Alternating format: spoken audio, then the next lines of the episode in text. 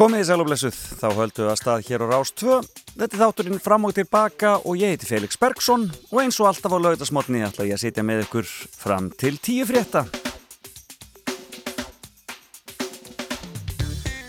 Já eins og alltaf á laugasmotni á ég vona góðum gestum og við ætlum að hafa það hugulegt hér yfir kaffibotlanum. Það var dásanætt veður í höfuborginni í morgun, gaman að hjóla í vinnuna í morgun, frost og stilla og uh, það mættu mér margir uh, vaskir hlauparar á leiðinni hingað upp í efstaleiti og um, það er gaman að sjá að fólk er að hreyfa sig.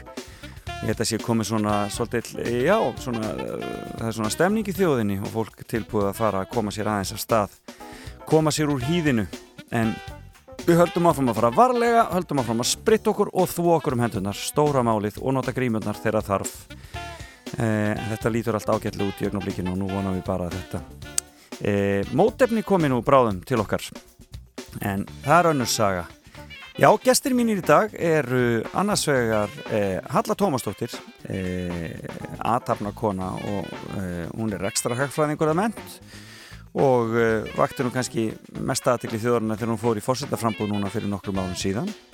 En hún ætlar að vera hér í fimmun að vera spennandi hvaða fimmu hún hefur okkur að bjóða. Og svo ætla ég að ringja í hann Jóhannes Haug Jóhannesson leikara. En hann var að landa nýju stóru luturki vikunni að það verið að tilkynna um það. Hann er á ferð á flugi þannig að e, það verður gaman að heyra hvaða ævintýrum hann er að standa í þessa dagana í leiklistinni e, sem að aðalega fer fram hjá honum Erlendis þessa dagana Svo eru fréttageturinn á sínu stað og verðlunin e, e, eru e, gjafabrjöfi Krauma og e, við náðum ekki að, að koma því út síðast þannig að við eigum hér gjafabrjöf sem ég þarf endilega að koma út þannig að allir fréttaþyrstir veriði með e, puttan á púlsunum þegar við opnum fyrir síman hér um e, hálf tíu leitið. En já, við skulum bara byrja á músikinni og ég er að spila svolítið lög úr söngakefni, gömul og söngakefni og e, e, við ætlum að byrja á söngakefninni 2015 ég sé það núna þegar ég e, sé það hérna í kerfin að ég hef sett inn óramagnað útgáfi en það er mjög skemmtilegt að gera það því að þetta er ansi flott lag og gaman að heyra það svoleiðis líka. Þetta eru Björn og félagar Björn Jörgundur og félagar sem tóku þátt í söngakefninni 2015 og frábært lag sem að heitir Piltur og Stúlka hefði somt sér vel í Eurovision kefninni en var bara heilmikið vinsalt í staðinn og það hljómar nákvæmlega svona.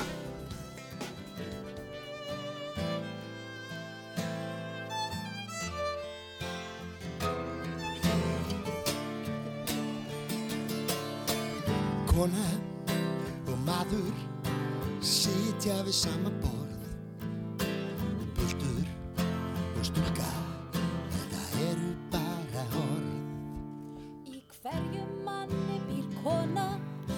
og í hverri konu karl og tvísvar sinn verður hver gamall maður var. Segnum fólki sæma í krafti sannfæringar aðra menn að dæma. Við erum öll úr sama efni syngjum öll í sama kór það er sama hvern ég nefni hvort þú ert lítill eða stór. Þá sannast aðan nýju að allir þurfa hrós. Líkt um sálinn þarna skýju þar lífið sólar ljós Ertu nógu mikill maður til að viður kenna það? Við upphaf hver er æfi við kynið ávalt það Kona og maður eiga að sitja við sama borð. Piltur og stúlka þetta eru aðeins orð. Segnum fólki sæma í krafti sannfæringar aðra menn að dæma Við erum öll úr sama efni syngjum öll í sama kór. Það er sama hvern ég nefni Hvort þú ert lítill eða stór. Þá sannast aða nýju Að allir þurfa hrós. Líkt og sálinn þarnast líu Þarf lífið sólaljós Við erum öll úr sama efni Við erum öll úr sama efni Syngjum öll í sama kór.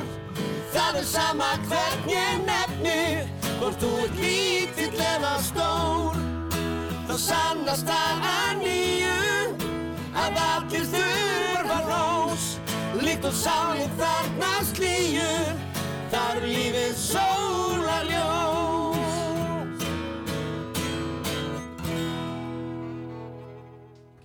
Já, þetta var skemmtilegt. Björn og félagar, piltur og stúlka þarna og þetta er náttúrulega Björn Jörundur og þarna voru fleiri miðanum unnurbyrna. Bassadóttir alveg pottitt þarna og Pétur uh, held ég, Jésu líka, þannig að þetta var mjög skemmtilegt árið 2015. En við, Halla Tómasdóttir, komum með kaffesopan, allum að byrja að rappa hér, leifum buppa að koma með eitt gamalt og gott. Frælsarans slóð landsímar, heyrðit þetta. Og svo fáum við að heyra fimmununa höllu Tómasdóttir.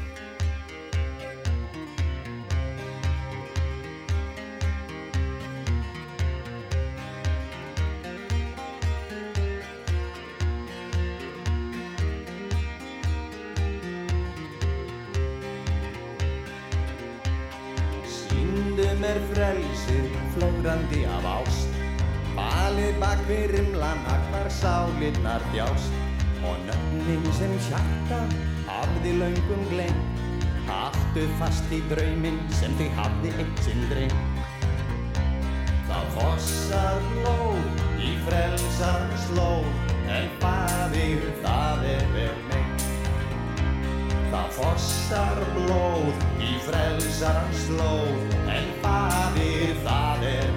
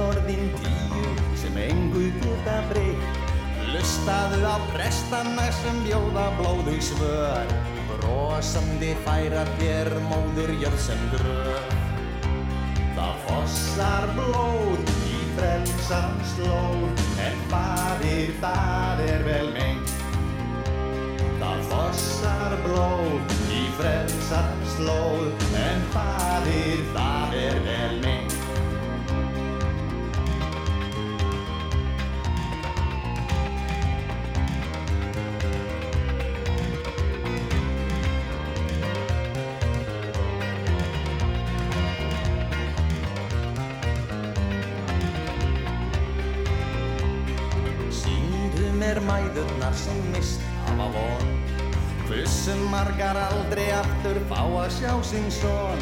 Sýndum er blóðvelli hvar bleiður standa vörð Um beinkrossa og frelsi að fríður ríkja jörg Það fossar blóð í frelsarans slóð En fadir, það er vel meint Það fossar blóð í frelsarans slóð En fadir,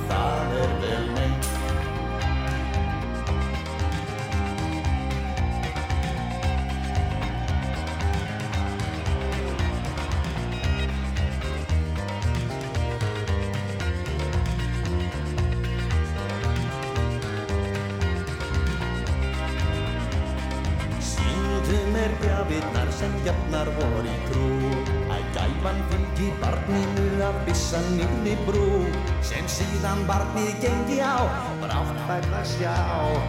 Issumann og jólatreð þú þarft ekki að kvá Það fossar blóð í frelsarans slóð En fadir,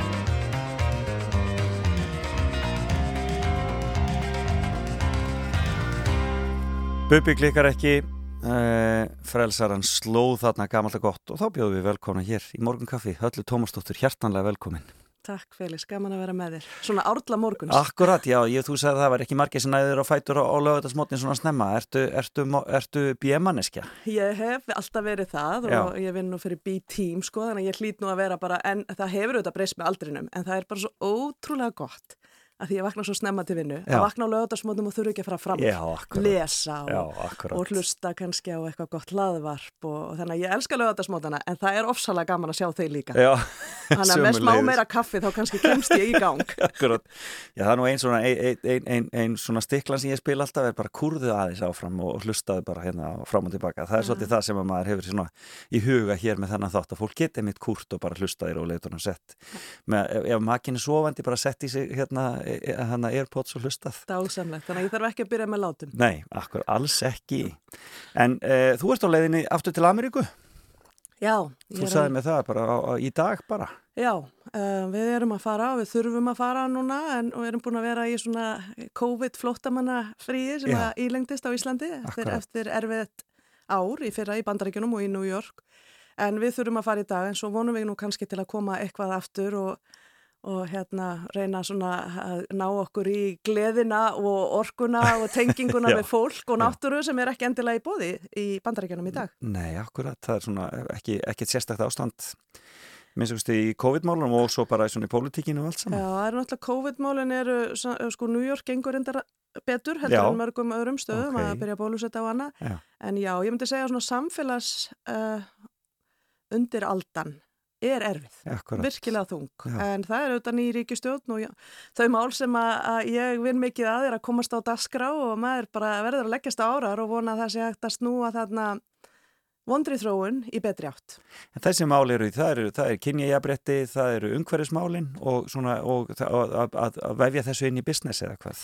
Já, ég myndi segja sko það eru umhverfis og lofslagsmálin eru mjög stór hjá okkur og ég myndi segja jafnbreytti í víðu samhengi og ekki síst ójöfnurinn sem er í heiminum og svo erum við mikið að tala fyrir henni bara bættu söðferði og stjórnarháttum Í, í, í, í viðskiptum. Já, og það er hérna, maður kannski nota sem dæmi núna því að það er allir að hugsa um COVID og Já. bólusetningar en núna er stæðsta verkefni hérna, síðustu vikna hjá mér hefur verið að berjast fyrir sko jafnri dreifingu á bóluefnanum. Já, akkurat. Það var þannig staða sko að fórstur alþjóðastofnuna sagði okkur fyrir umri viku síðan að þá var búið að dreifa 40 miljónum bóluefna skamta og 49 ríkustu löndin í heimi hefðu fengið það og 150 lönd byðu en Já. Fátakastlandi hefði fengið 25 skamta. Skamta, já, akkurat. 25 stykki, ekki Já, 2500, ekki 25.000, 25 stykki. já, Og málið er að auðvitað viljum við öll fá bólefni hratt en meðan það er vírus eitthvað staðar, þá er vírus allstaðar. já. Hann heldur áfram að stökkbreytast og bólusetningarnar virka ekki. Þannig að, að okkar uh, leiðtúar og þessi fyrirtæki sem við erum að vinna með hafa verið að beita sér af öllu afli til þess að hvetja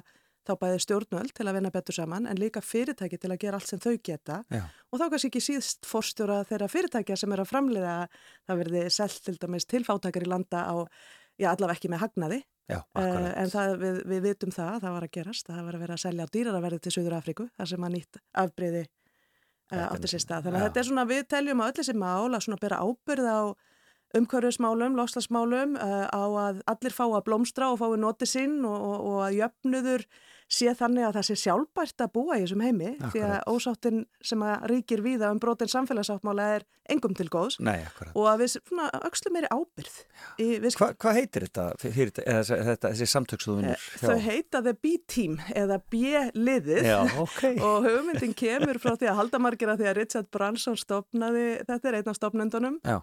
Að B-ið hafi komið frá honum. Frá. En það var nú ekki, þetta var hópur fólk sem kom saman í kjölfar efnagsrunsins sem við kallum á Íslandi en er kannski kallu alþjóðlega fjármóla krísan Já, alþjóðlega að hérna og ákvað að svona hvernig við höfum verið að stunda viðskipti væri bara ekki lengur í bóði að við þurftum sjálf að fara fyrir því og þessir svona hurakkari leiðtúar úr fyrirtækjarækstri og að vettfangi alþjóðlega mála þurft að vinna saman af því að skapa þannig já, hvað við að segja, norm uh, og kannski bara reynilega lög og reglur já, að viðskipti væri ekki stunduð á kostnað umhverfis og samfélags og samfélagsáttar. Já. eða siðferðis eða spillingar Það er mikil verkefni framöndan og Amerika lítur að vera mjög á skriktnum staði í þessum hefnum. Já, við vinnum alþjóðlega og öll okkar verkefni snú eru svona alþjóðlega ráskoranir Já. en Amerika er náttúrulega sko ofalega huga allara núna því að maður kannski segja svona tvent sem að hefur aðeins lent ofan á öllu sem við vorum að vinni sem eru langtíma verkefni að það er bara líðræðið, Já. er bara í vörn og svo kannski að samfélagsmiðlanir ef þú hugsaður aðeins um þátt þeirra í áhrif okkar á sko veljan og helsu fólks Já. Og áhrifin á líðræðið Já. og upplýsingar og svona tröst okkar í samfélaginu og tröst okkar á að hvar, hverjum við getum treyst til að segja okkur satt Einmitt. og hérna þannig að þetta er svona áhugaverið tímar og, og verkefnin eru mjög fjölbreytt og kreyjandi þannig að þetta er reysavaksi verkefni. Spennandi. Þannig að þú ert bara að rjúka til Ameríku til þess að taka við til, til hendinni aftur. En ég baði um fimmu og uh, hún er svolítið sérstök þín. Ha, Já, ég er nú bara búin að segja nafnið á já, henni. einmitt. Fimm kjarkæfingar. Já, Hvað þýðir það? já, kjark, eh, fimm kjarkæfingar kom eiginlega frá því að sko Magga Pála, Já. uh, stofnandi hjallastefnunar, mikil vinkora mín og eitthvað sem ég lit mikið upp til. Já. Bönni mín fengu að njóta þess að gangi skóla á hennar vegum, snemma á þeirra æfi. Og hún nota alltaf orðið kjarkæfing og sérstaklega saði sko að stelpur þyrftu fleiri kjarkæfingar. Og að strákar þyrftu meiri æfingu í nánd og vinnóttu og kærleika og ymsu öðru og sagði gætnan að hún væri að ala upp tilfinningagreinda stráka og kjarkaðar stelpur. Já. Og þannig að ég var að hugsa, sko, ég hafði aðeins miskilið felegs, ekkert kannski nýtt, að ég er svo vön að tala um þessi verkefni sem ég er að vinni, að þegar þú sagði mér að koma með fimm og þá er ég sko komið með fimm framtíðar áskoranir Íslands Já, og eða fimm tækifæri fyrir Ísland að vinna í ákveðnum málum og alveg til í það. En það er næsta viðtal. það kannski er setna og ég tala svo sem alltaf um það. Þannig að ég svona þurfti að hugsa aðeins sent í gerkvöldi þegar ég áttaði maður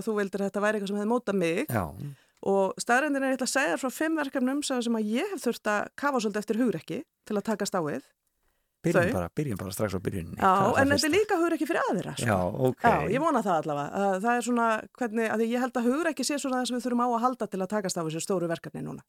Þannig að ég er svolítið að fara að tala um hugrekki. Ok, Og fyrsta verkefni var í rauninni þegar að ég var, um, ég, ég reyði mig til Háskólans í Reykjavík á fyrsta starfsári uh, þess skóla. Guðfinna Já. Bjarnadóttir ringdi í mig og það er aldrei óvænt. Ég hafði búið tíu ári í bandaríkjunum og unnið í engageiranum og var að vinna í engageiranum, Íslenska útvarsfélaginu sem þá hétt uh, sem uh, starfsmannastjóri og var nú svona kannski Það var pínu skrítið að koma heim frá bandaríkjunum og fara að vinna í íslensku viðskiptarlífi og það var ímislegt sem var kannski ekki alveg svo ég vildi hafa það. Og þá ringir Guðfinna Bjarnadóttir í mig, sem ég þekkti ekki neitt, og byggðum um að koma og, og í svona glænýtt teimi sem var að byggja upp háskólinni Reykjavík. Hétt þá viðskiptaháskólinni einmitt. Og það sem gerist er að ég lætt tilfallast og, og, hérna, og þetta er svona eh, erfið ákvörun. Já, Flestir í kringum mig segja við mig að fara úr engagerinum að byggja upp eitthvað skóla. Já, þetta ekki bara einhver óraunhafur draumur og allt það. Um, en mér finnst alltaf óðbáslega gaman að ráðast í að byggja upp eitthvað nýtt og sérstaklega ef það hefur sko samfélagslegan ávinning og Já. það hefur bara verið ríkt í mér og ég held að ég hafi yfirgefið Ameríku á sínum tíma og komið heim til þess að að reyna að taka þátt í einhverju slíku. En það sem gerist og, og, og, og ég er að koma hérna að fyrstu hugur ekki æfingunni er að, að hún ringir í mig eftir að ég er búin að taka starfinu og ég er með nokkra manna uppsagnarfrest og vil skilja vel við í Íslensk útdagsfélaginu og ringir í mig stuttu árin já að byrja fyrsta vinnudaginn og segir ertu til í að byrja fyrsta vinnudaginn í bandarækjunum og ég var pinluti hissa á þessu. Já. En þá var það þannig að nýskupunarsjóður atvinnulísins, um, Háskóli Reykjavík var byggður til þess að koma frumkvæla starfsemi á eða svona að leggja áherslu á frumkvöla að, vera, að, að þú geti kent það að vera frumkvöld Já. og að það verið eftir að kenna nýsköpun og það verið eftir að búa til verðmætt og störfi samfélaginu með því sem að þá var það til ný hugsun Algjörlega. 1998. Algjörlega. Þannig að 99 þannig að þegar ég kem í teimið að þá sagt byður hún hvort að ég sé til að koma sér til bandaríkjana því að þá var um, Guðrún Pétursdóttir uh, fyrirvændi fórsetaframbóði og stór vinkonum mín á Guðfunni í dag uh, stjórnaformaði nýsköpunarsjóð og þau höfðu átt að segja á því að mjög fáar umsóknir um styrki og lán og fjárfestingu frá sjónum komu frá konum. Já, já, já. 13% kom frá konum, 87% frá köllum, en konur fengu minn en 3% af fjármagni sjósins á þessum tíma og ég man alltaf þessar tölur. Og þær ákveða það að við þrjár, ég nýji starfinu, komandi frá bandaríkjunum, Guðrún og Guðrún, við þrjár færum til Ameríku, myndum heimsækja allt og alla þar til að læra hvernig kennum við konum að verða frumkvælar. Já. Og þarna varð til á vikuferðalagi auður í krafti kvenna. Já, akkurat. Og þannig að fyrsta kjarkæfingi mín var auður í krafti kvenna, í rauninni var ákveðin kjarkur að fara til háskólas í Reykjavík, en auður í krafti kvenna var verkefni sem var alveg ótrúlega gaman að búa til Já. og enn skemmtilega að fara fyrir og gekk út á að leysa úr læðingi hugur ekki í öðrum. En Felix, ég var ekki alveg viss um Nei. að ég þyrði að taka að mér að fara fyrir þessu verkefni. Já, akkurat. Þannig að þú þurftir aðeins að draga þurft- djúpt Ég andan. þurfti að kafa mjög djúft og ég leitaði hátt og lágt að einhverjum öðrum til að fara fyrir Já, verkefninu. akkurat. En við vorum svo ákveðni í þetta verkefni þurfti að hafa ákveðin tón og ákveðina byrtu og þetta snýrist ekki um í rauninni að fara með hefðbundnum hætti inn í jafnbrettisumröðu, heldur snýrist þetta um að hjálpa samfélagin að átta sig á auðnum sem Akkurat. byggi hvern auðnum og þetta ætti að ná til hvenna í leiðtóastöðum sem myndi mynda tengslanett, þetta átti að kenna konum að taka hugrekki og búið til fyrirtæki, þetta átti að kenna stelpum að hugsa um nýtt starfsval og námsval og þetta átti að búið til framtíðarauð og fjármálaauð og hugsa um að konur færi fyrir fjö og, og þetta átti að viðurkenna konur sem hefur farið á undan og verið fyrstar og það var svona stór og falleg hugsun og alltaf þegar við vorum að tala um þetta, Já. þá fór eldurinn að staði Já. í maganum á mér og En þú þurftir samt Ég að þurfti draga djúpt andan. mánuði, Felix, áður en ég var tilbúin til að fara fyrir þessu. En dag eitt satt ég með þeim á Hotel Borg og við vorum að fara yfir alla mögulega aðila sem getur leitt verkefnið af því að ég átti að vera að byggja upp stjórnendaskóla og símentun og byggja upp frumkvöla kennslu í skólanum og hjálpa að byggja upp viðskiptadeildin. Ég hefði nóg að gera, ég var öruglega í fimm störfum nú þegar. En það var þannig að þær horfðu bara opaslega lengi á mig þegar ég var svona að segja hvernig mannesku við þyrftum og þauðu báðar og allt í hennu sagði, æ, ætli ég verði ekki bara að gera þetta. Og, og það er aldrei gaman að segja frá þessu í dag því að ég eiginlega sko skilða ekki alveg Já. af hverju mér fannst þetta svona erfitt.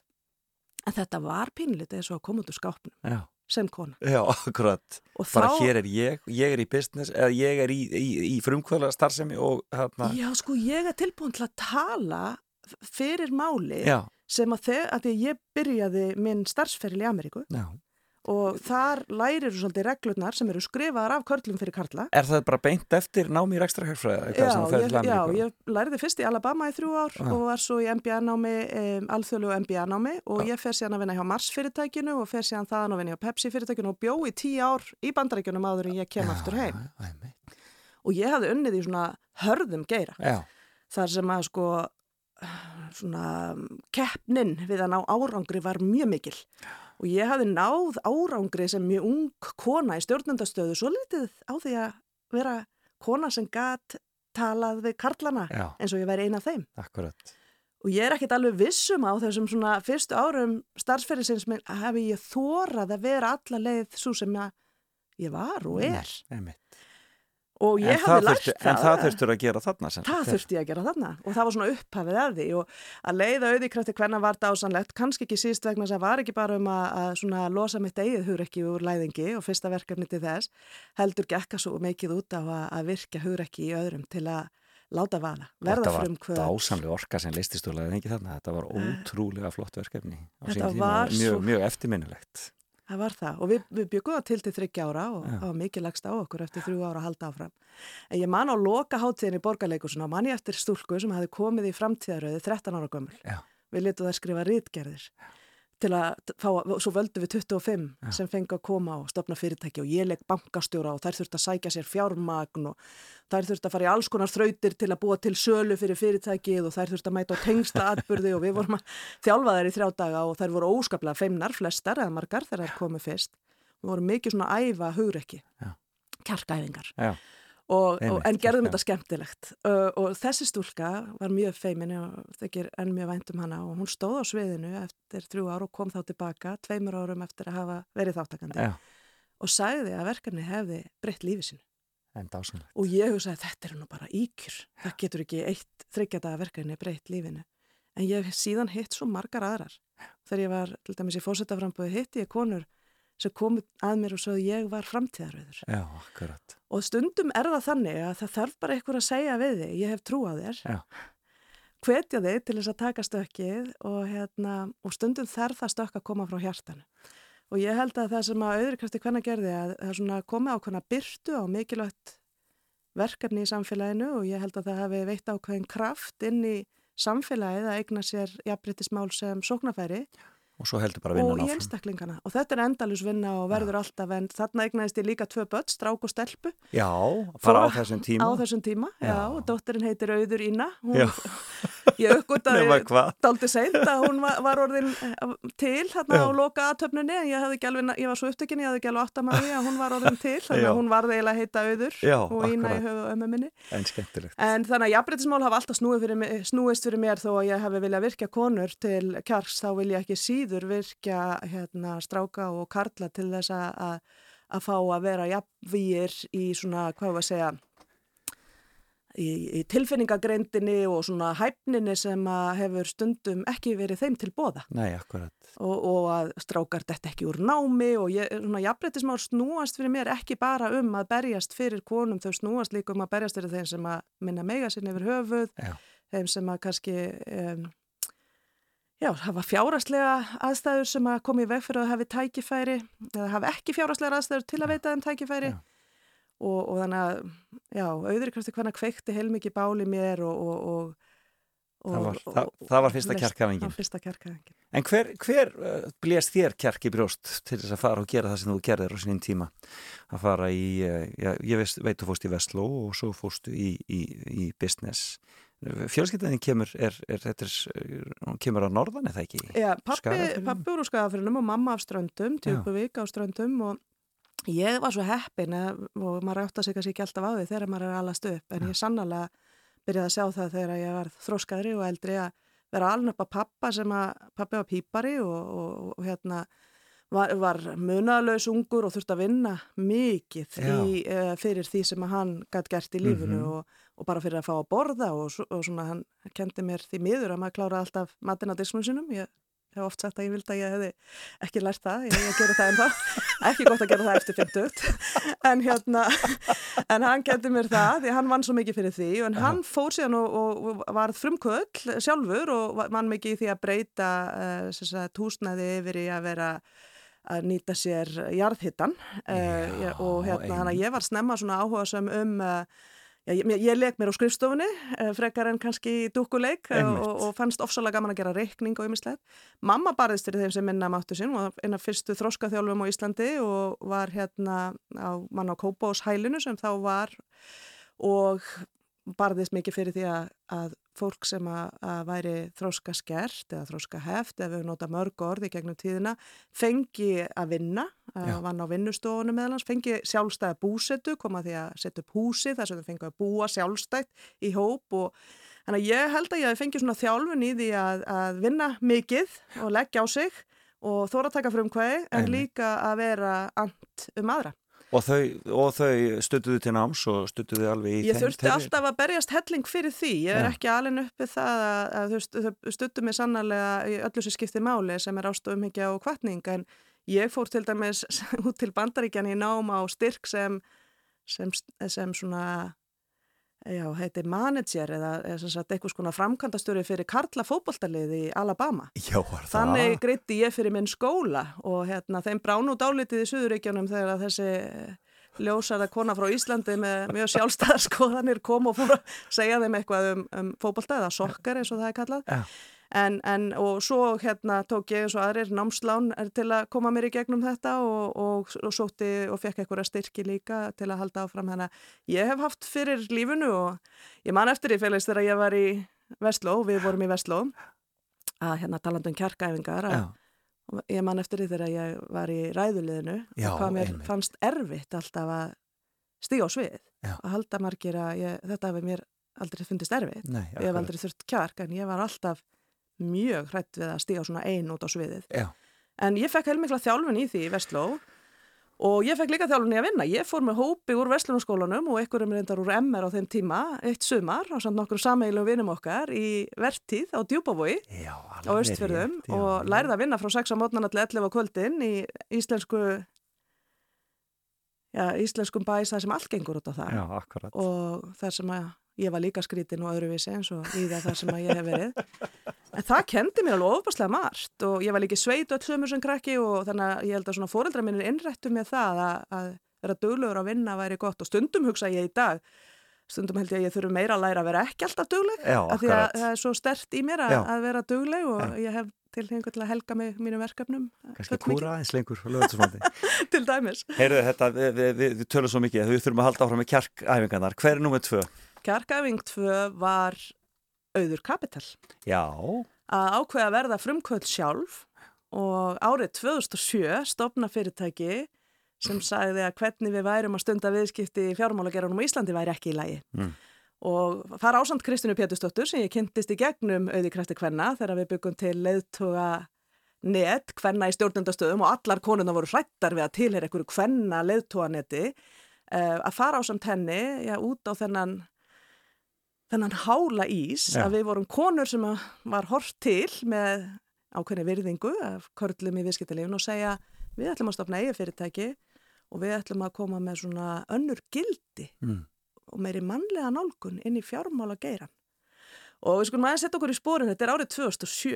allt á fullu. Sko. Það er allt að ganga svo vel og ég get ekki sagt þér hvað við fengum mörg símtöl og samtöl báðar um önnur tækifæri sem við ættum frekar að taka að Já, okkur. akkurat. Að verða fórstöru þarna eða aðstofa fórstöru þarna um, og svo þegar við stopnum fyrstu skrifstóni, mann vorum með sjömanns í vinnu og þá var það í kringlunni að þá sögðu sko allir strákar á fjármálamarkanum er þetta nú ekki típist þegar konur stopna banka að þá er það sko fullkominn bestun að hann sé í, Já, á verslunarmistunni í kringlunni og svona var svona gert grínað okkur tölvert mikið og þetta var bara rosaleg hugreikisæfing fyrir okkur báðar Mhm. en ég ætla nú bara að tala fyrir sjálfa mig og það var alveg á köplum sem að maður hugsa er maður algjörlega galinn. Í rugglinu bara. Já, er maður bara, og, og ég er framkvæmdastjóri viðskiptarást þegar við tökum þessa ákvörðun og bara búin að vera það í eitt ár en finna það er svo margt sem að viðskiptarað átti í háskólan í Reykjavík og ég er að fer í það starf eh, eftir að hafa verið farið í doktorsnám að skoða mikið þessi mál eftir auðvikrefti hvenna og er að kenna á IHR og ég er beðin um að koma inn í viðskiptaráð og, og, og koma með aðrar áherslur. Eh, Jón Karl Ólásson sem þá var fórstjóri Æslandir ringir í mig þegar ég er í doktorsnáminu og segir hvernig væri að þú kæmir að tala fyrir þessum Já. þinni sín á þessi Já. Gildi sem að þurfa að vera í fórustu og fyrirtækjamenningu til að búa til fyrirtæki sem að lifa lengur og þú fær tækifæri til að gera það hér og allt það. Svo finn ég ekki mikinn hljómgrunn, ég heiti Kristinu, hún er þá að hætta sem eina konan í frangotastjótt Kaupþings og við tvær förum að tala saman og, og á svona tengsla atbyrði hvenna í fórustu stöðum og við Mhm. verðum báðar sammálum að það er sér svo margt sem sitt ekki vel með okkur og við trúum því að það sé ekki sjálfbært að vinna með þessum hætti og að við trúum því að við höfum eitthvað fram að færa sem sé öðruvísi. En að fara frá þeirri viðurkenningu yfir í það að segja við ætlum að hætta því sem við erum að gera, við ætlum að stopna eigi fyrirtæki, taka allan okkar feril og allt okkar orðspor og, og allt þetta og leggja það á línuna og þóra standa með okkar gildum og okkar nálguna og stopna eitthvað glæni pínu lítið í samengi við það sem var Já, akkurat. En það sildi í gegnum uh, efnagsþrengingarnar, þetta Já, fyrirtæki. og, já, það er auðvitað eins og allt. Tímasetning skipti máli og teimið var frábært. Já. Það var alveg magna hvað við fengum gott fólk til að koma með okkur og fyrst og fremst konur í upphafi. En ég man alltaf eftir að við fengum fyrsta kallinn. Hann fekk sko, hann Tómas Gíslason, við köttuðum hann oft our first man. Já, Hann bjó í vinst, sko vestri vangnum á skrifstofunni Já. og vorum ofta svona grínast með hlutina. Vinir hann sendi honum svundu með brjóstum Já, þegar hann reði sig í vinnu til okkur. Já. Þannig að það voru þetta heilmiklir fordómar um að tala um þessar hluti þá og eru jafnvel enn þá í dag. En þetta reyndi oft á og oft vorum við í hólinu og þurftum að tósa hvora aðra upp úr hólunni, þurftum miklar kjarkæfingar. Og svo blés rosalega. En svo komu þetta stæðsti stormur í sögunni og við vorum ný, nýtt fyrirtæki en við höfðum staðið með okkar samfæringum hvernig við syndum bæði okkar eigið fjö og fjö okkar viðskiptavinna. Við lögðum áherslu á það að það ætti að vera umhverfi samfélags og svona stjórnarhátta Mhm. viðmið í Mhm. fjárfestingum. Þetta var alveg nýtt þá, þetta er kallað ESG í dag og er núna sérstaklega meðan á heimsfaraldunum hefur staðið stæðsta umbreyting í fjármálageiranum, hún er búin að vera eiga sér stað, þannig að við vorum kannski svo litið á undan okkar tíma. Já. En við stóðum í lappinnar í gegnum þetta hrund, það var ekkit auðveld og eftirleikurinn var erfiður. Mhm. Margir vildu gera mjög lítið úr því að þetta hefði nokkuð með okkar gildismat að gera. Ég fer ekki ofan að því enn þann dag í dag að það hefði skipt sköpum að inn í okkar DNA fyrirtækisins Já. hafi verið önnur hugsun vegna þess að við lögðum að stað með mjög skýra sín og þau gildi sem að við vildum leggja áherslu á, ábyrga arsin og og, og rann auður inn í uh, hvað hva Já, svo, endaði auður svo, síðan? svo auðvitað lokast hérna allt, við, hugmyndin okkar var alltaf að byggja auðu upp sem alþjóðlegt uh, lítið en alþjóðlegt fjárfestingar félag já, og það var alltaf mín sín og löngun. Síðan verða hér gjalderisöft og allt gerist sem gerist og það er alveg ljóst að lítil fyrirtæki er orðið mjög erfitt uppdráttar. Það kemur einmitt. aukin skattlagning á það það er ríkið er komið inn í stóru bankana og þannig að þá var ekkert annað að gera til að breyta rétt gafkvært öllum en að skoða það að fara í saminningar með minni fyrirtækjum. Og eftir nokkur ára því að þá kemst ég sjálfa þeirri niðurstöðu að þá sé líklega minn tími búinn, ekki Já. víst að DNA-ið í fyrirtækinu verði algjörlega í takt við það sem að ég var búin átt að má að ég þarf að vinna við. Og, og það má kannski segja að, að hérna, árið 2010 hafi verið svona þriðja kjarkavingin hjá mér. já, þá gerist hvað Þá er ég, eða árið 2009 er ég beðin um það en árið 2010 ferða fram er ég beðin um að halda TED fyrirlestur já, einmitt. um efnahagsrunnið og mína sína og hvernig við ættum að byggja upp og, og, og svona ég hafði verið að gera það heilmikið og hvar fer hann fram þessi tett í Washington DC já, og þetta var bara, það er margir sem halda sko, eins og ég segja að það sé auðvelt fyrir mig að tala fyrir fram að fólk en þegar ég er krakki og er að læra á píano og píanokennarinn minn er alltaf að byggja mig um að spila á tónleikum á sunnudöfum þá var það ekki bara það að mér langaði ekki að vakna snemma heldur var það þannig að mér var hreinlega flökurt Já. áður en ég þurfti að vera eina á sviðinu. Já, og það hefur alltaf verið í mér heilmikil svona þú þarft að kingja og taka skrefi ég þarf að, já, og ég þarf að gera það ennþá Já. dag í dag en, en það verður auðveldari með æfingun þess vegna kalla ég þetta kjarkaæfingun en það var þannig að ég beðin um að koma að segja sögun og lengi vel reyndin og komast undan því. En það var kona sem hétt Pat Mitchell og er mjög góð vinkona mín í dag hafði verið fyrsta, fyrsti kvennforstur í PBS fjölmiðilsins og gert marga hluti en hún hafði verið beðin um að halda þetta er sem sagt aðalara á stefna TED og halda svona að vera það sem þeir kalla curator eða rítstjóri þessara ráðstefnu. Einmitt. Og hún er beðin um að setja saman ráðstefna árið 2010 í kjölfar uh, þessar miklu alþjóðlegu fjármálakrísu og Líman bróðurs höfðu farið undir og það voru búin að vera nokkra greinar um hvað ef þetta hefði verið Líman systur, já, hefði þetta verið öðruvísi og meðal annars tekið við talveg bæði mig og Kristinu í einhverjum uh, stórum fjölmunum í heiminum um þetta og ég hefði talað á nokkrum ráðstefnum þar sem að var verið að tala um svona hverjar eru nýjar hugmyndir, uh, eða hvernig byggjum við upp á okkur betri máta hún lindi ekki látanum fyrir nú með maður að koma. Já. Það var mikið að gera hjá mér, ég var ekkert sérlega vel upplögð. Ég kem til Washington DC á sunnundaskvöldi, eftir miðnætti er ég komin á, á, á mínum tíma og svo er ég að reyna að sofa og maður er á okkur öðru tímabildi og akkurat ég átti að mæta okkur æfingu klokkan sjö um morgunin, það er svona æfing. já.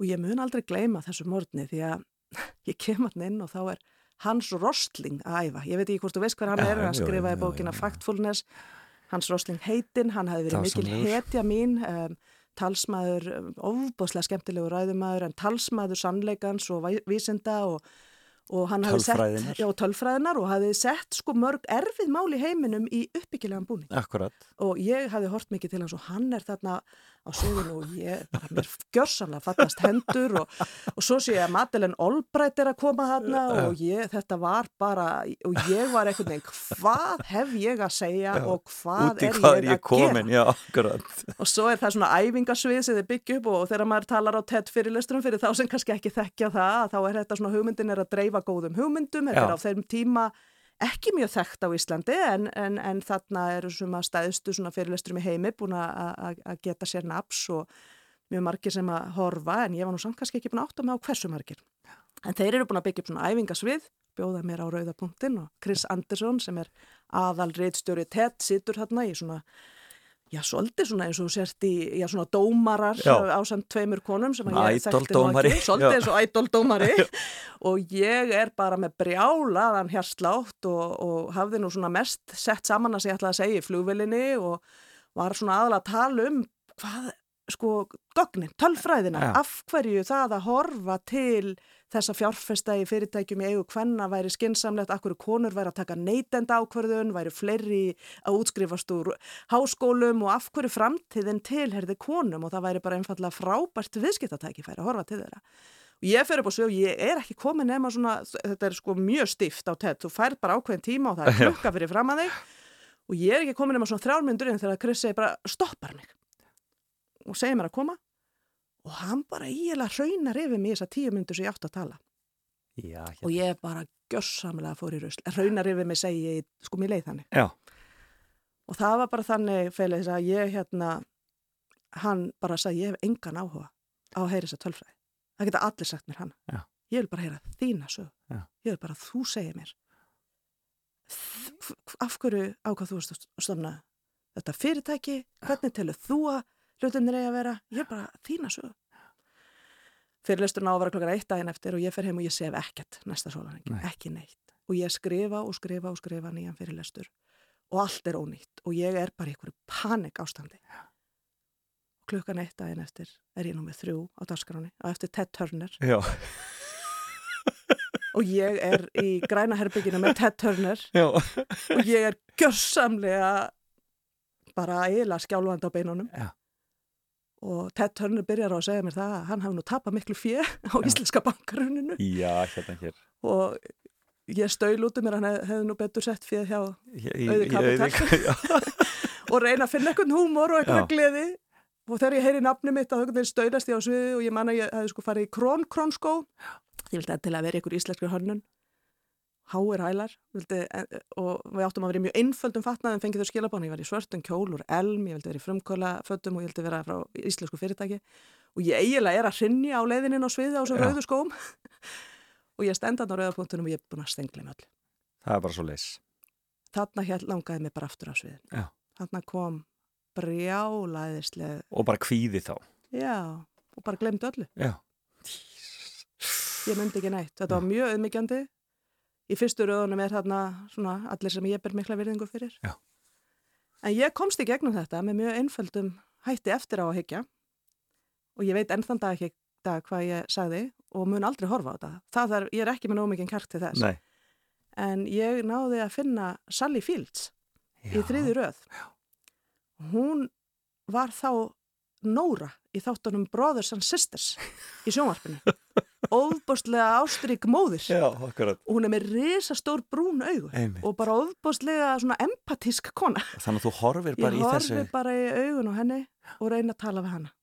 Og einhvern veginn stöylast ég síðan út á sviðinu og eina af þeim fyrstu sem gefur mig famla eftir að ég kem á sviðinu er Sally Fields. Já, enda þetta, en þetta var hugrekki æfing af, af einhverjum skala sem að og það sem ég held að hafi gerst þarna og þetta hefði þriðja hugrekki æfingi þarna sko að ég einhvern veginn gati ekki verið í hausnum að því að ég myndi ekki neitt Nei. ég var mér að gleyma öllu ég var bara að fara neyri í hjarta og þar situr hugrekkið eitthvað sem ég er búin að læra aftur og aftur og er enn að læra í latinu eða á frönsku er KR nafni á hjartanu og það er grunnurinn í orðinu courage á ennsku auðvitað. hugrekki situr í hjartanu ég Dásamlegt. varð bara að fara þangað Þetta hefur breytt ímsu. Þessi hugreiksæðing. Já, þetta í rauninni sko gerir það að verkum að bæði tengslanett mitt vex mjög mikið að, að, hérna við þetta. Ég er ekki þessi fyrirlestur í sjálfu sér síðan ef ég haldið um, tvo aðra sem eru ofinberir Já. sem að fengi mun meira áhorf og, og svoleiðis en farið inn á mörg önnur svið vegna þessa fyrirlestur Já. og kynst mikið af fólki. Líklega leitt til þess að ég er í því starfi sem ég er í dag. Og kannski hjálpa mér við fjórðu hugrekkisæðinguna. Sem að var. Og nú er sko tíminn algjörlega að hlaupa frá okkur sko. Við bara, við tölum svo rosalega mikið. Forsetaframboðið. Það var fórsetaframböðið. Það hefur þurft þurftur að taka djúft, draga djúft. það var þá. stærri kjarkæðing sem að ég ætlaði bara alls ekki í. Nei. en það var margir heitt svo mikið um það Já. að hérna en Hvernig var lang- svo lífsreynsla þegar öllu var á botni kvöld? Ég var mun að halda gríðana marga fyrirlestra sem kennari háskóli Reykjavík auðkrafti hvenna út um allan heim að Já. segja að það skipti máli að konu séu fórustu Já. og það skipti máli að alveru leiðtöðar bendi ekki út um gluggan þegar þeim finnst að eitthvað sé að Já. heldur horfi í speilin og spyrir hvað ætla ég að gera Já.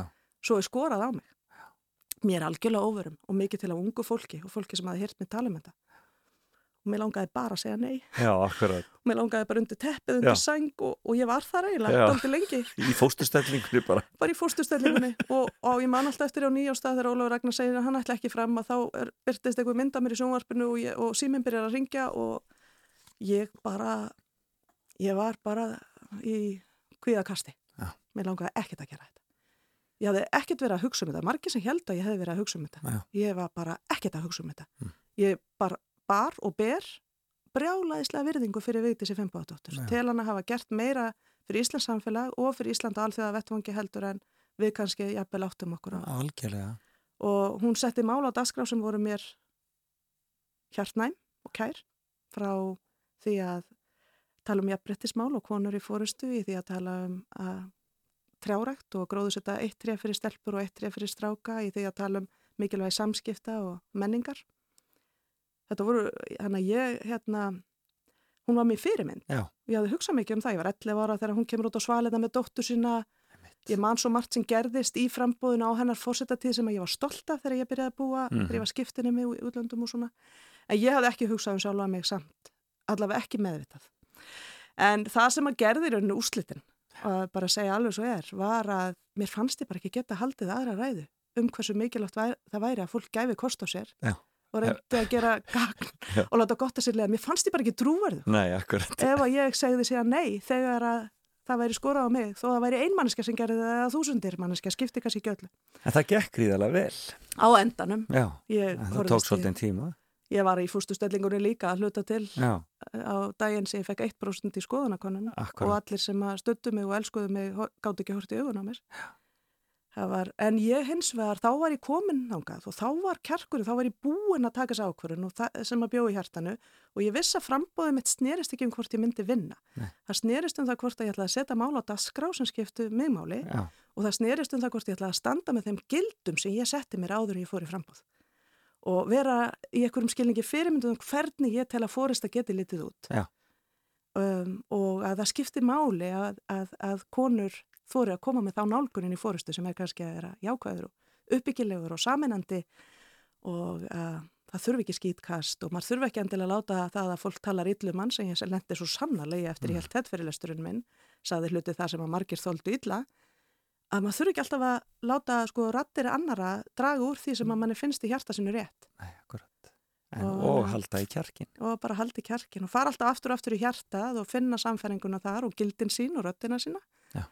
En það var alveg erfitt og en þetta var ótrúlega lífsinslega og hafði ekki bara jákvæð áhrif á mig, ég vona að hafi haft jákvæð áhrif á aðra og veit reyndar að það gerir það því að ég heitti ennþá fólk sem að segja mér það mjög oft og, og, og, og gerðnan og vill ræða það og þá er það besta skilgreininga árangri sem að ef þú leysir úr læðingi hugur ekki hugsanlega í einhverjum öðrum sem að Já, mér þekki vænstum þegar ungar stelpur koma til mín og segja ég er að hugsa um að verða kannski einhvern daginn fórsiti Já, og og ég man alltaf að sko dagurinn sem var ánægilegastur eftir að fórseta frambóði búi var þegar einhvers mamma af leikskóla sendi mér mynda leikskólakrökkum þrjárlitla stelpur og lítill strákur sem er að kissa mynda mér. Já, en dásanlegt. og hérna, ég var endar í landsleisbúningnu en að kannski voru það bara að já. landsleisbúningin en, það, en mamman það kom- fylgdi nú skilabóðunum að, að ég hefði, einhver stúlkan hefði kallað mig eh, engil og ekki veit ég nú sko hvort að ég gæti nokkuð til hann kallast engil Nei, eh, frekar svona vilt allavega fyrir það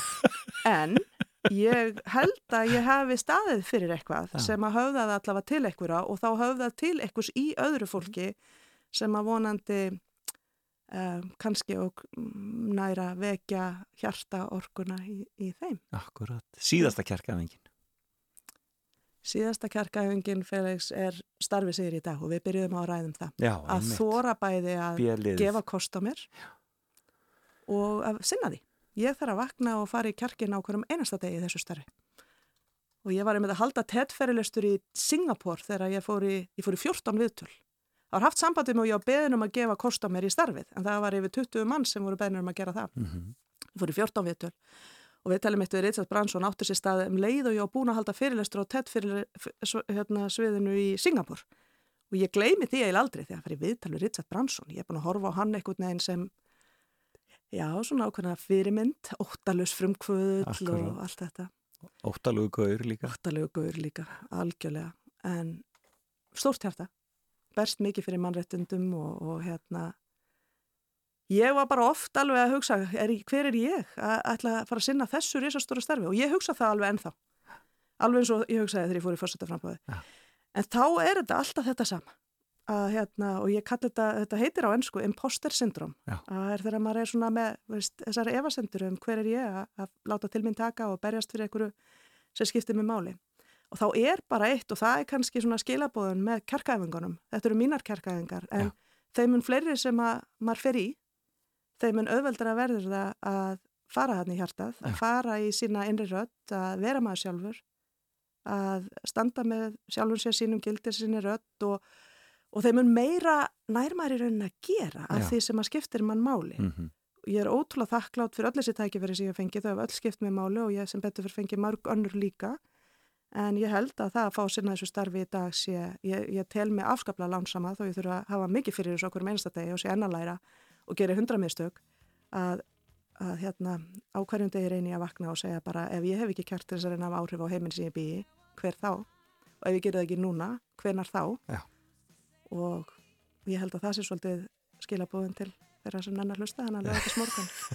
Hver er ég að gera ekki það sem þarf til þess að framtíðar kynsluðir fáið sömu tækifæri og við höfum fengið að nota og búi í sjálfbæri náttúru, Akkurat. búi í jafnrétti samfélagi, búi í samfélagi jöfnuðar, búi við gott siðferi og betri stjórnarhætti í bæði stjórnmálum og viðskiptum. Já.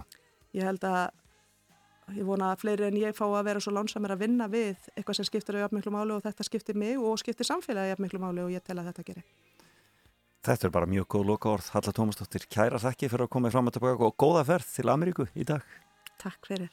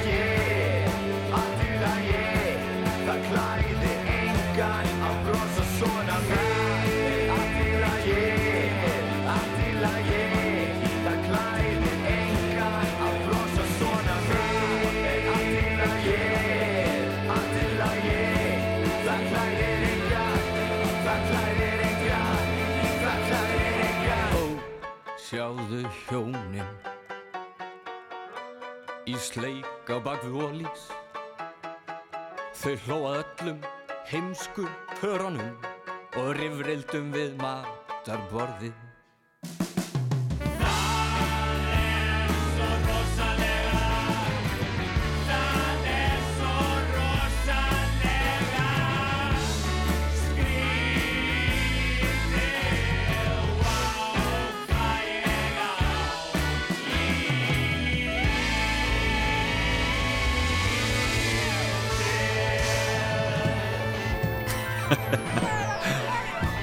Já, 365 daga blues eh, sjáðu hjónin. Þetta eru að sjálfsögðu Grísalappa Lísa og eh, frábært lag frá þeim. Halla Tómasdóttir farin á braut. Það við hefum getað að tala hér í allan dag um ævintýri hennar, eh, fimmann hennar var stórskemmtileg eh, fimm kjarkæfingar og engar smá æfingar þar Það er allt frá auði í krafti kvenna til uh, fórsetaframbóðs og svo nýja starfið hennar sem er fyrir þetta B-team í bandaríkjónum uh, og um, við óskum henni góðrar ferðar aftur út og uh, lökkum til að sjá hann aftur hér heima sem allra allra fyrst.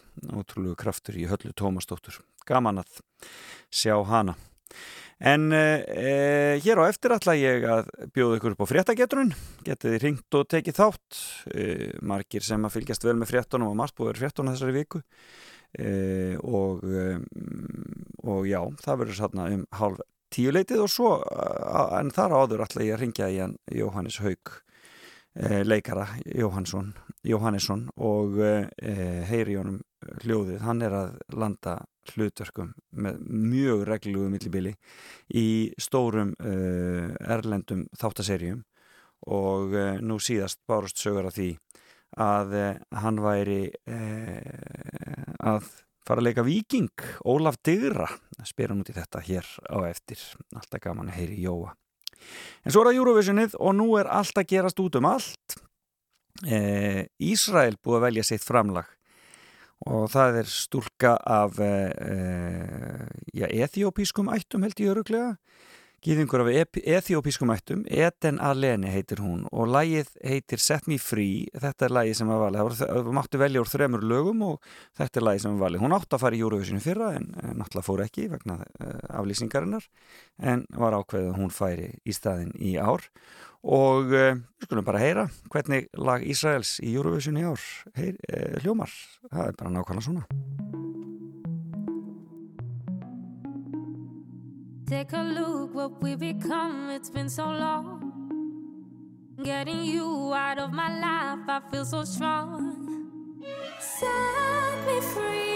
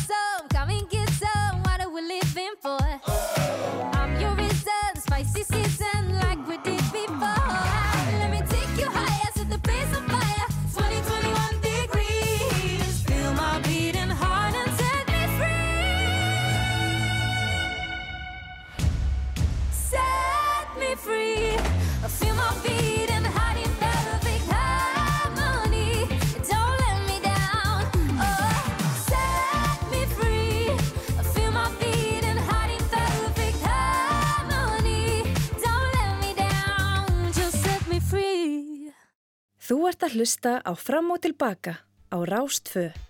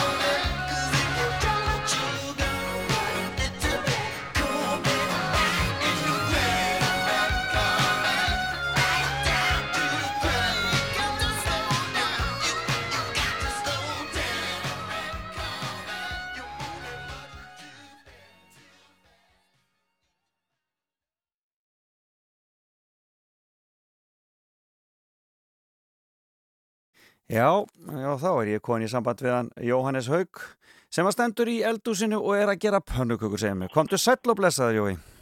Já, sæll minn kæri. Já, já, hvað segir þau? Er það pönnukökur þannig á morgunin á þínu heimili? Já, það er oft á lögatum. Já. Hérna hendi pönnukökur, já, á svona gamla, þessar klassísku íslensku pönnukökur, pönnukökur, pönnu. Já.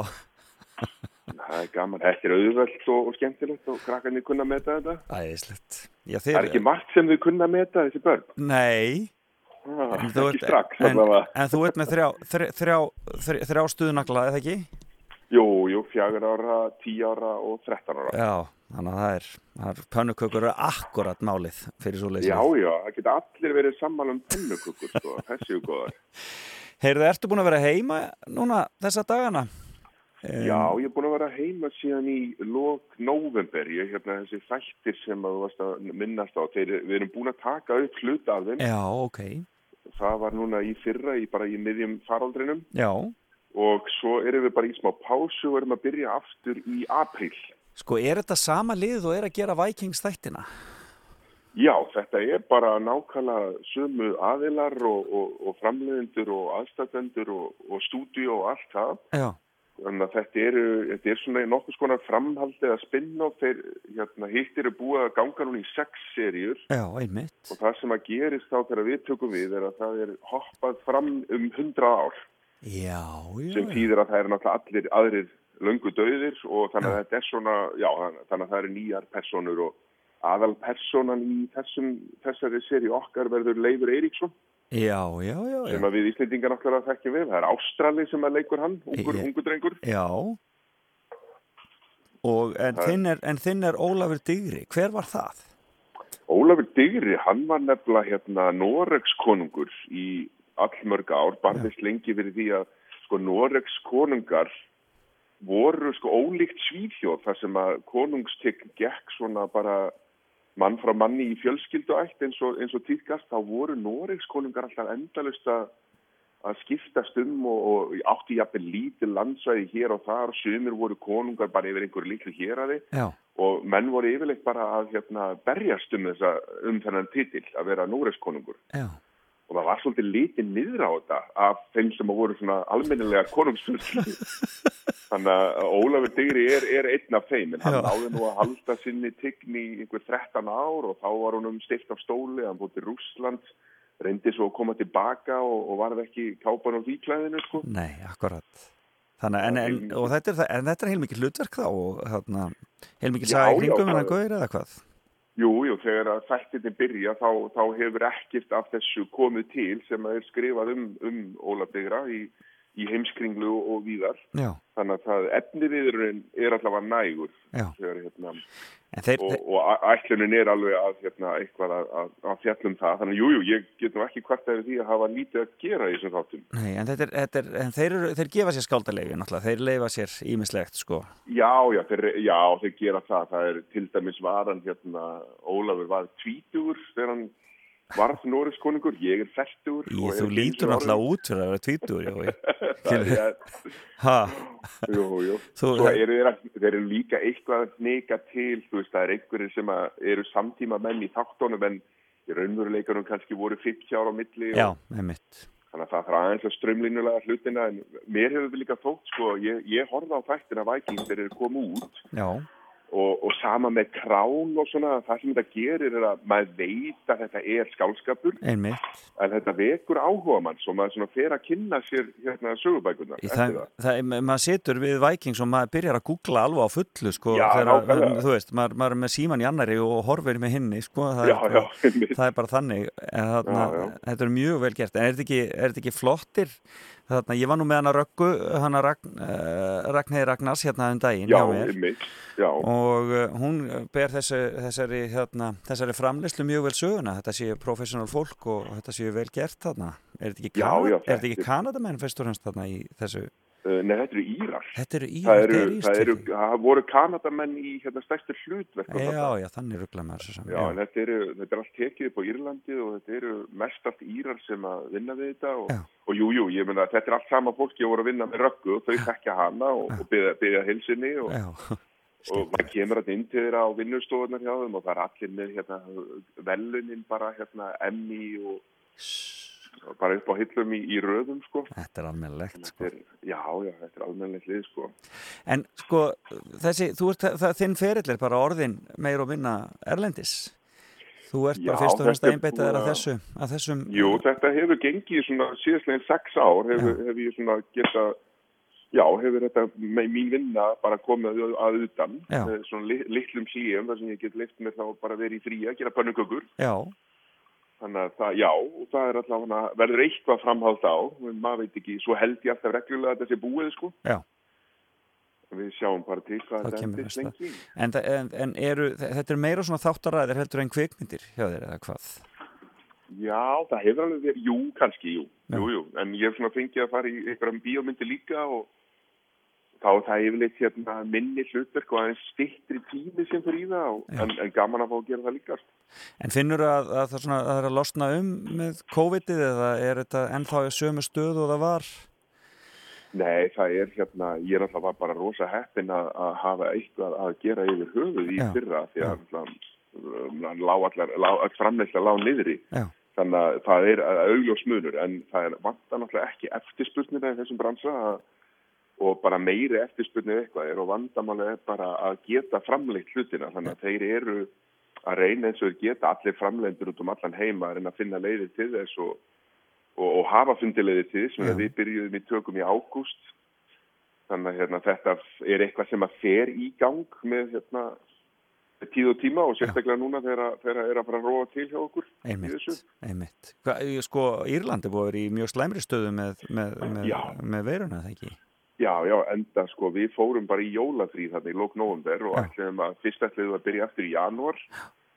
Og svo ákvaðum við að býða aðeins og ætliðum að byrja í mars og ég var að fá post bara í vikunum bara að það er allt í ruggli en við skulum byrja í april Já, einmitt. en hérna þannig að maður vona bara að þeir nái, nái tökum á þessu og bóluefnin breyðist hratt út til allra og Já, þá geta allir haldið áfram og allir verið öryggir. Þetta er spennandi. Er eitthvað meira sem maður má svona fara að búast við að sjá þig í á næstunni? Það er þessir þættir, veistu hvernig þeir koma þessir? Já, já, svo er með þetta sko, maður er alltaf, það er svo mikið díli, það Já. hlutinni koma alltaf árið að tveimur eftir að maður, hérna, jú, það á eftir að koma, hérna, það er bíómyndsíleiki sem er svæði 414 og ég hlakka svolítið til að sjá hana, hún er svona framtíðar, framtíðar, hérna, sci-fi thriller, hann Travis Fimmel sem leikur Ragnar Lóðbrók í Vikings, hann leikur aðalutur í hérna Já, já, já, já. hann hérna, og Guy Pearce í rínni líka. Og svo er bíómynda sem á að frumsýnast í mæ sem að Mark Wahlberg leikur aðanleitur í. Já. það er, um, ég er nú með ágættis, ágættis hlutverk þar og ég er svolítið spenntur að sjá hana, hún er hérna og það er líka svona sci-fi thriller þannig að hérna Þannig að þú ert annarkvort, í grári fornesku eða, eða einhverju framtíð. Svo reynir ég bara að vera í núinu þess á milli Að baka þessir- Já, Já. þessi þættir kom ekkit fyrir í fyrsta lagi í oktober, mögulega eitthvað setna. já, en spennandi. En hvernig, hvernig er að kynast þessu liði? Hvernig, hvernig er Guy Pearce? Hann er alltaf svona verið einhver sem að maður er svolítið spenntu fyrir. Já, mikið, leikari. og Ég, ég kynntist honum, ég er búin að vinna með honum þrísvar. Já, Það, hérna, ég kynntist honum fyrst í þáttaröð sem heitir The Innocent sem við gerðum fyrir Netflix, þar sem að við tveir vorum svolítið mikið saman. Já, og kynnt, hittumst þarna út í Noregi og hann er álbóðslega viðkonarlegur og, og skemmtilegu gæi, hann spilar á gítar og, og hvert sem hann fer þá kaupar hann sér alltaf gítar á staðnum og hérna til þess, að, til þess að leika sér og við náttúrulega saminum staði aðeins yfir því svona já. og, og ég fekk að ræða með hann aðeins um nágranna og, og hérna, ég sá hann fyrst þar sko. Náttúrulega ástralskur, ástralskur hjartaknúsari upprunlega í, í, Já, já. í Neighbors. og, og svo er hann, hann er sjúkur í hérna íslensk, hennar draum, freyjidröm Já, Hún, hann elskar sko súkulað og lakri svona alltaf þegar ég fór heim og kom tilbaka og tók ég alltaf freyjidröm með hann skemmtilegt. Það er, já, það er, það er, það er óvinnulegt en, en, en skemmtilegt. En þarna, og Mark Wahlberg, hann er, situr upp með Íslendinga hvert sem hann lítur. Já, nákvæmlega, já, já, Ha. hann og Baltasar eru náttúrulega nánir vinnur og hafa unnið oftar en einu sinni saman og, og ætla að vinna saman meiri í framtíðinni. Já. Þannig að þetta er já, já. skemmtilegt. Gaman að fylgjast með þessu hjá þér, Jói, þetta er alveg bara briljant að þetta gangi svona vel og í rauninni er alveg ótrúlega stór hópur af íslenskum leikurinn sem er bara að gera það ansi gott í þessum, Já, í þessum bransa.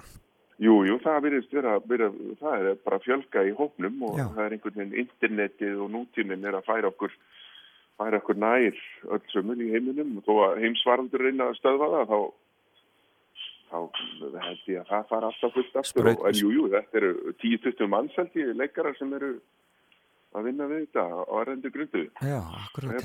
Hérna Hera Hilmars á fullu, Raka Ragnarsheim eitt og Gísliörn og, og, og náttúrulega Ólaður Darri og þú, þetta er alveg ótrúlegt að fylgjast með þessu. Já, já, Björnlinur og Jóhann Jóhannsson, Jói G, hann Ei, er búin að vera líka mikið í skandina við annars stöður. Algjörlega, þetta er mikið, mikið gaman að fylgjast með þessu, en bara, við höldum bara að segja, gangið er áfram vel með Ólaf Digra og við hlokkum til að sjá þessa serju þegar hún já, kemur. Já, takk að kella fyrir, hmm. já, já. Og, hérna, en njótiði pannugagnana, fjölskyldan. Já, Herru, sumulegis, takk fyrir það. Við kella heils í bæin. og þetta var Jóhannes Haugur Jóhannesson. Frábær.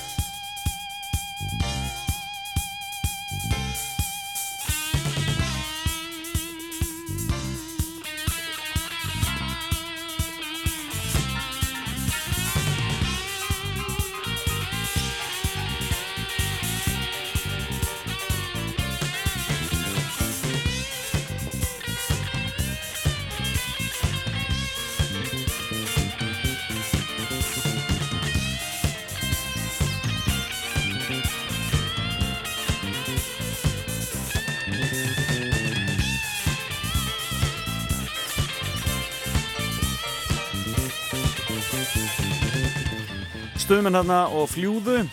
Alltaf frábært.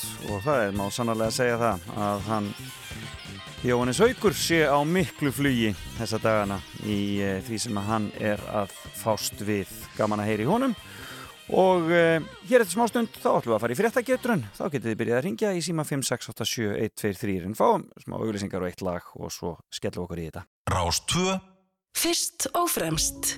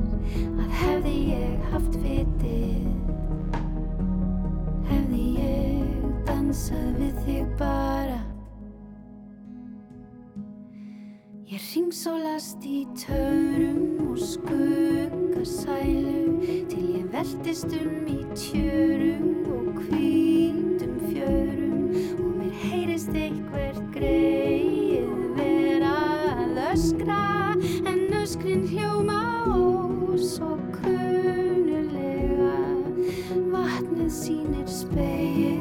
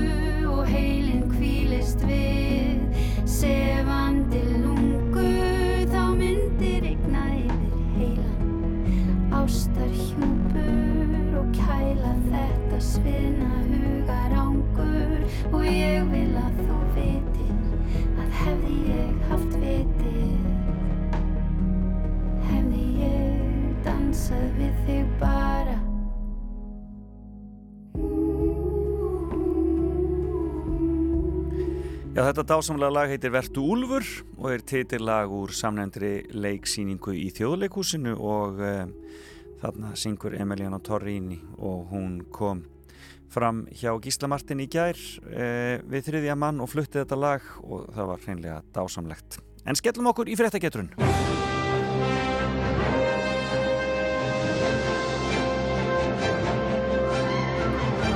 Og símin eins og áður 5687123 5687123 og þeir geti byrjað að ringja núna og reyndan á okkur í velunin sem eru gjafabrif í Krauma.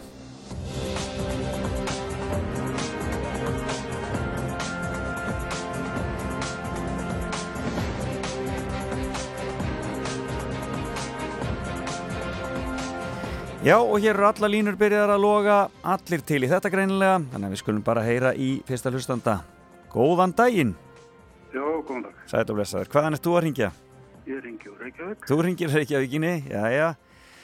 Heyrðu, þá skulum við byrja hér.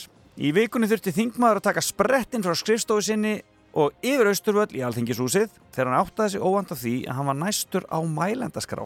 Hvaða þingmaður var þetta? Hann uh, heitir Þorstein Sæminsson. Það er hárétt hjá þér. Þú ert með þinn, þinn Þorstein Sæmundsson algjörlega á hreinu. Vel gert. Heyrðu þá. vel gert í honum líka. Ha, já, vel gert í honum líka, já, og það, þetta er meira en að segja það þegar maður er búin að taka svona sprett að alla síðan að standa fyrir fram fólk og fara að tala, það er, það er sko meira en að segja það. Ég hef eitthvað tíðan lendi í þessu í leikhúsinu og það er ekki, ekki þægilegt.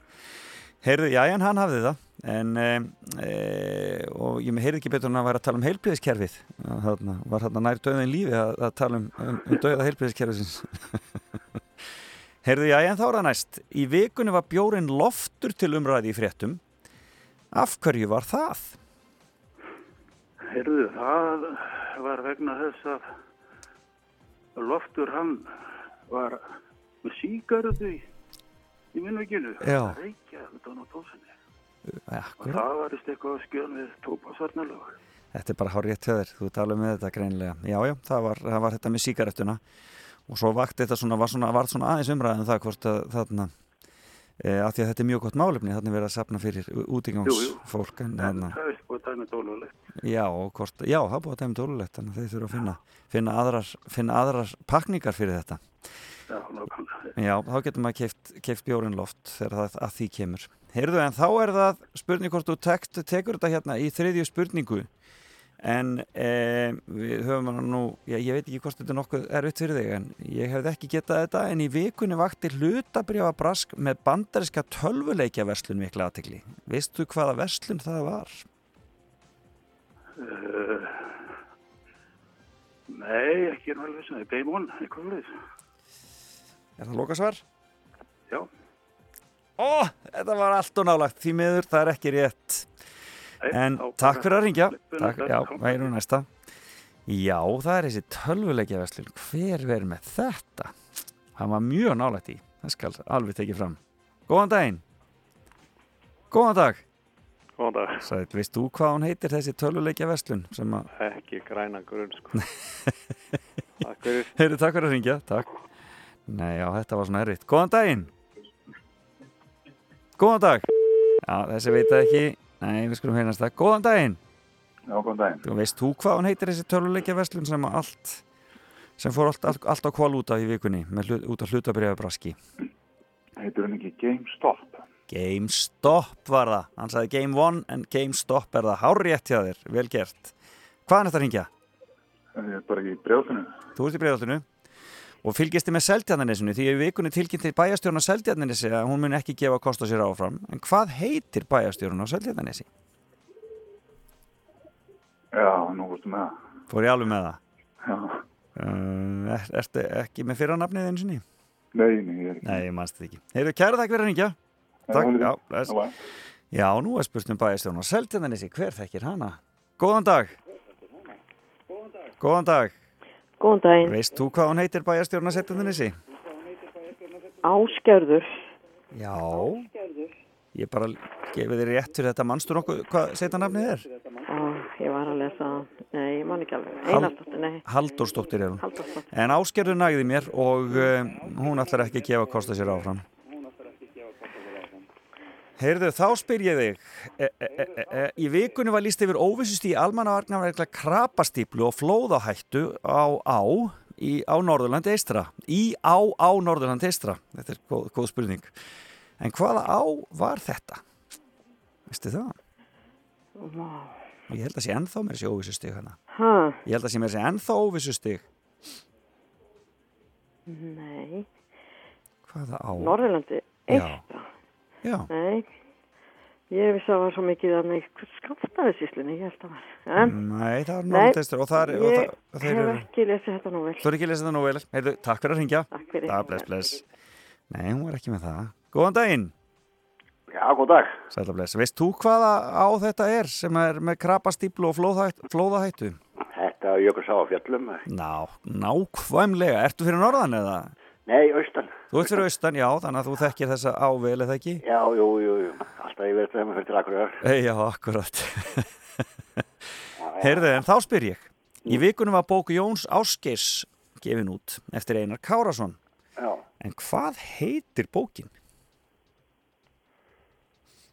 Bú, já, þú segir nokkuð. Mm, er. Þetta er bara búið að vera í fréttum stöðugt bara. Nei, ég ég verð að gefa þetta á mér. Þú verður að gefa það frá þér? Já, já, já, já. Þú þor- þorir ekki að skjóta einu sinni? Nei, þetta, þetta var eitthvað, þetta er um, um hrunni, þetta er eitthvað, þetta er eitthvað varðandi daga eða eitthvað, eða, ég bara, Það kemur ekki. nei. Heyrðu, kæra þakki fyrir að Heyrðu, ringja. Takk, já, bless, bless. Prófum einnig viðbútt, sjáum hvort það er text hjá okkur. Góðan daginn. Já, góðan dag. Það mannst þú hvað hún heitir, bókin hans Jóns Áskis? Málsvörn. Málsvörn, hár rétt hjá þér. Hvað er þetta að ringja? Reykjavík. Þú ert í Reykjavíkinu og þá spyrjum við. Í vikunni fór kennsla HÍ fram í annari byggingu heldur en þeim sem skemmtust í flóðun í síðustu viku. Í hvaða byggingu er nefndum kent í staðinn? Það verður Hótel Saga, bændaöðlin. Það er hár rétt hjá þér. Þú ert alveg með þetta, vel gert. Jæja, hvar eigum við þá að sjá hvort þú nær þessari þriðju hérna? Hvað á ég eftir? Já, nú eitthvað hérna. Já, hér er þetta. Í vikunni var Bresk Vestlun gjaldtróta en á tímabili var hún með útibú hér á landi. Og nú spyr ég, hvaða Breska Vestlun var gjaldtróta í vikunni? Já. Þetta var heilmikið í fréttum, þetta, svo- þetta var svo margir, það er svo þúsundir sem mistu vinnuna hana. Það hefur farið frá mér mér verið ekki að skjóta bara á eitthvað. Já, þú verður að skjóta. Þetta er síðasti séns. Uh, House of Fraser. Stepinams, Stepinams. Hvað segir þið? Það er Stepinams fyrir ég. Það er lóka svar. Já. Ég heyri konuna bara æpa. Já. Þetta sé, Hún bjargaði þess annarlega. Það var hárétt hjá okkur, þetta var Debenhams. Vel gert. Hvað heitir maðurinn? Hann heitir Karl Hillers. Karl Hillers, ein enn á ný, þetta ertu með. Og þú ert hérna í Reykjavík. Jú, Bara hérna í nákvæmni við mig, þannig að þú lappar við hjá mér og nærðir í gjafabrifið. Með ánægju. Heyrðu, kæra þakkir fyrir að ringja og til að mikið með þetta. Já, takk fyrir mig. Takk fyrir, já, bless, bless. Já, Karl Hillers tók þetta eins og, já, eitthvað tíman áður og, um, en það er ykkur öllum sem ringduð fyrir að uh, ringja og taka þátt í fréttakjöturinn. Þetta hafðist hjá okkur fyrir rest. Skellum okkur til Akureyrar. Þetta er bara flokkurinn.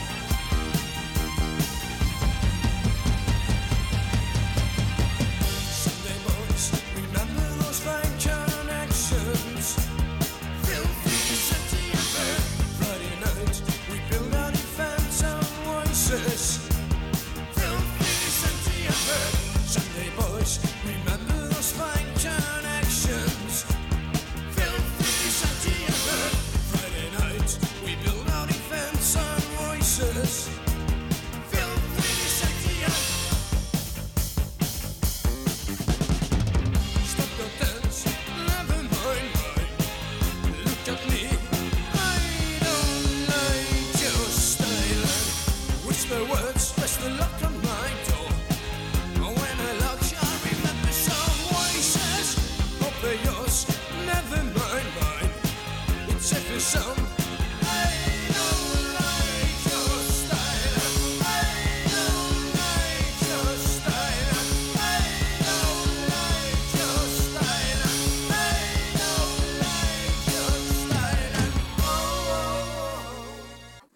Bara áfram og hlustaðu á fram og tilbaka á Rás 2.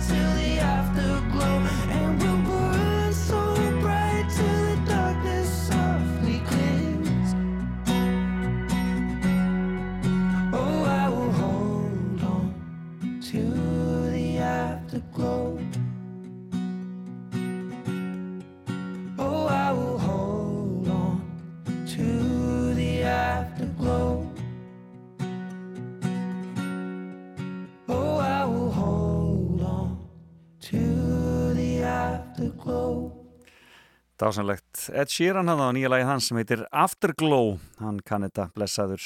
En e, e, þetta er farið að styttast hjá mér hér á Rás 2.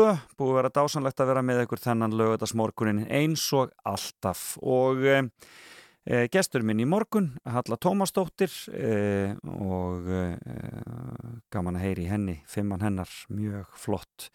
Fimm kjarkæfingar, ekkert smáræði þar í gangi. Og það er hægt að hlusta þáttinn á öllum veitum auðvitað bæðið á rúf.is og svo fer hann inn á hlaðvarpið. Og svo ringdi ég Jóhannes Haug og svo var það fréttageturinn sem var hér á sínum stað. En Daskar Rása 2 í dag hún er glæsileg eins og alltaf á lögutum Salka Sól tekur hér við eftir tíu fréttinnar Það verður gaman að heyra hvað hún ætlar að bjóða okkur upp á í dag. Er yfirleitt góðan gest hér um öllu við leitið og, og uh, spilar skemmtilega tónlist hérðan og þaðan og duglega að grafa upp eitthvað nýtt og skemmtilegt. Alli Már mætir síðan eftir hátið, ég allir það ekki.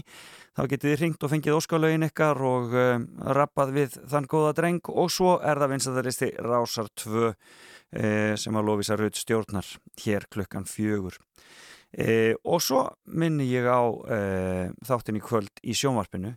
E, tónatalið hans matta okkar hér og það er engin önnur en Leiló sem verður gestur hans í kvöld og e, hún er náttúrulega algjörlega frábær, hún Leiló og verður gaman að heyra hvað hún hefur fram að færa e, í rappinu e, við Mattias Má Magnússon. Og svo verður þátturinn allur og lengri hér hjá okkur á Rás 2 í fyrramálið. Þannig að bara alls ekki missa af því allir saman en við erum búin að hlusta á skemmtilega tónlist líka í morgun. Eh, margt, og, margt og mikið búið að koma þar við sögu og eh, við eigum eftir að, að halda því áfram í næstu þáttum. Ég ætla að halda áfram að spila söngvakefnislög fyrir ykkur og þau fyrir að bætast við Eurovision lögin nýju svona eftir því sem að líður á.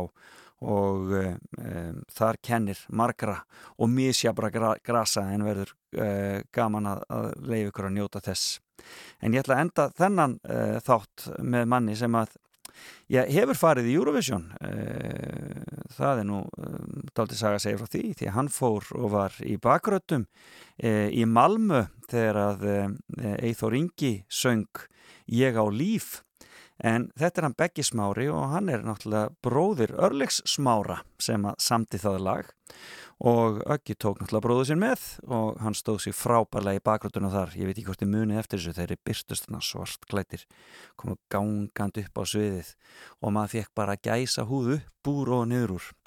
En Beggi frábær tónlistamæður líka og hann átti lag sem var mjög vinsalt hér á Rástvö. Það heitir Brostu og ég ætla enda þáttinn í dag á því. Kæra þakkir fyrir að vera með mér í fram og tilbaka. Heyrumst aftur eftir viku. Bless, bless.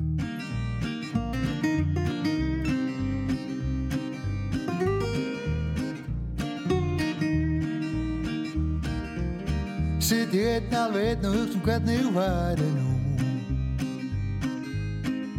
Ef þú værir hér Læt mig dreymum það eitt og hvernig væri ef sætir þú hérna hjá mér. Brósir til mín breytt Far mig til að hlæja. Kondu og sérstu hjá mér. Allt gott að kemur frá þér. Kondu og verstu hjá mér.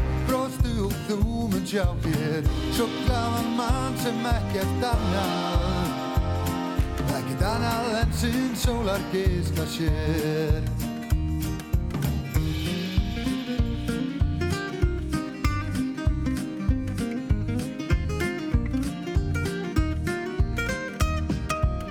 Sitt ég einn alveg einn og hugsa um hvað ég gefi nú. Fyrir stund með þér. Allt er gott, bjart og gaman, veistu, elskan þegar þú